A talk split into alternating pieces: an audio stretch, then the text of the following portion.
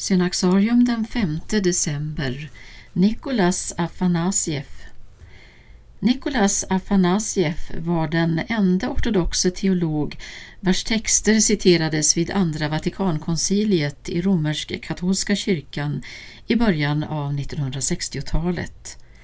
Det man tog intryck av var Afanasievs eukaristiska vision.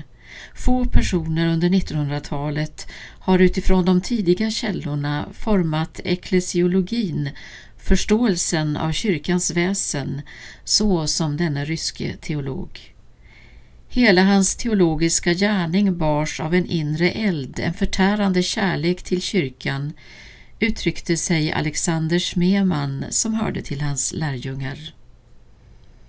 Afanasiev föddes i Odessa 1893.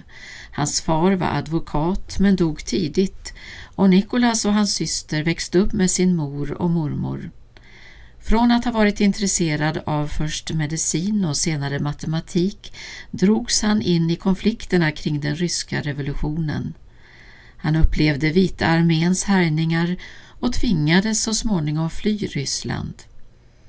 Efter att ha gift sig 1925 och tagit sin doktorsgrad vid universitetet i Belgrad började han undervisa i Makedonien.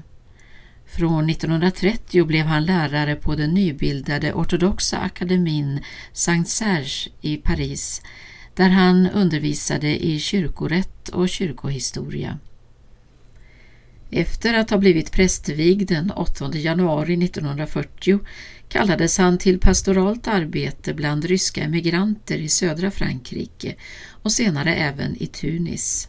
Han återvände till Paris för att undervisa 1947. Nikolas Afanasievs visionära teologi sammanfattas i den monumentala bok som utkom först efter hans död, publicerad på engelska med titeln The Church of the Holy Spirit. Här utlägger han sin vision av kyrkan som en på samma gång eukaristisk och karismatisk gemenskap.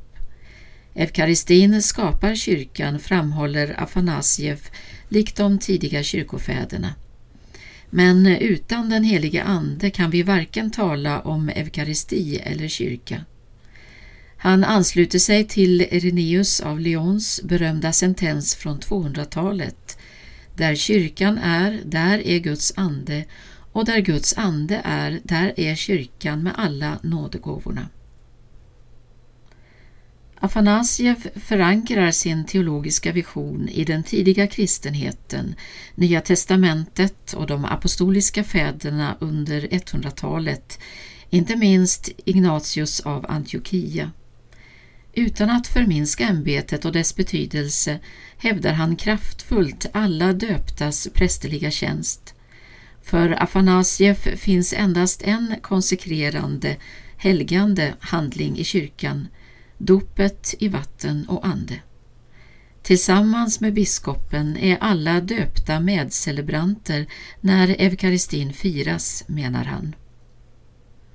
Nikolas Afanasjev insomnade på Herrens dag den 4 december 1966 men hans röst fortsätter att ljuda till ständigt förnyad förståelse av hemligheten med kyrkan.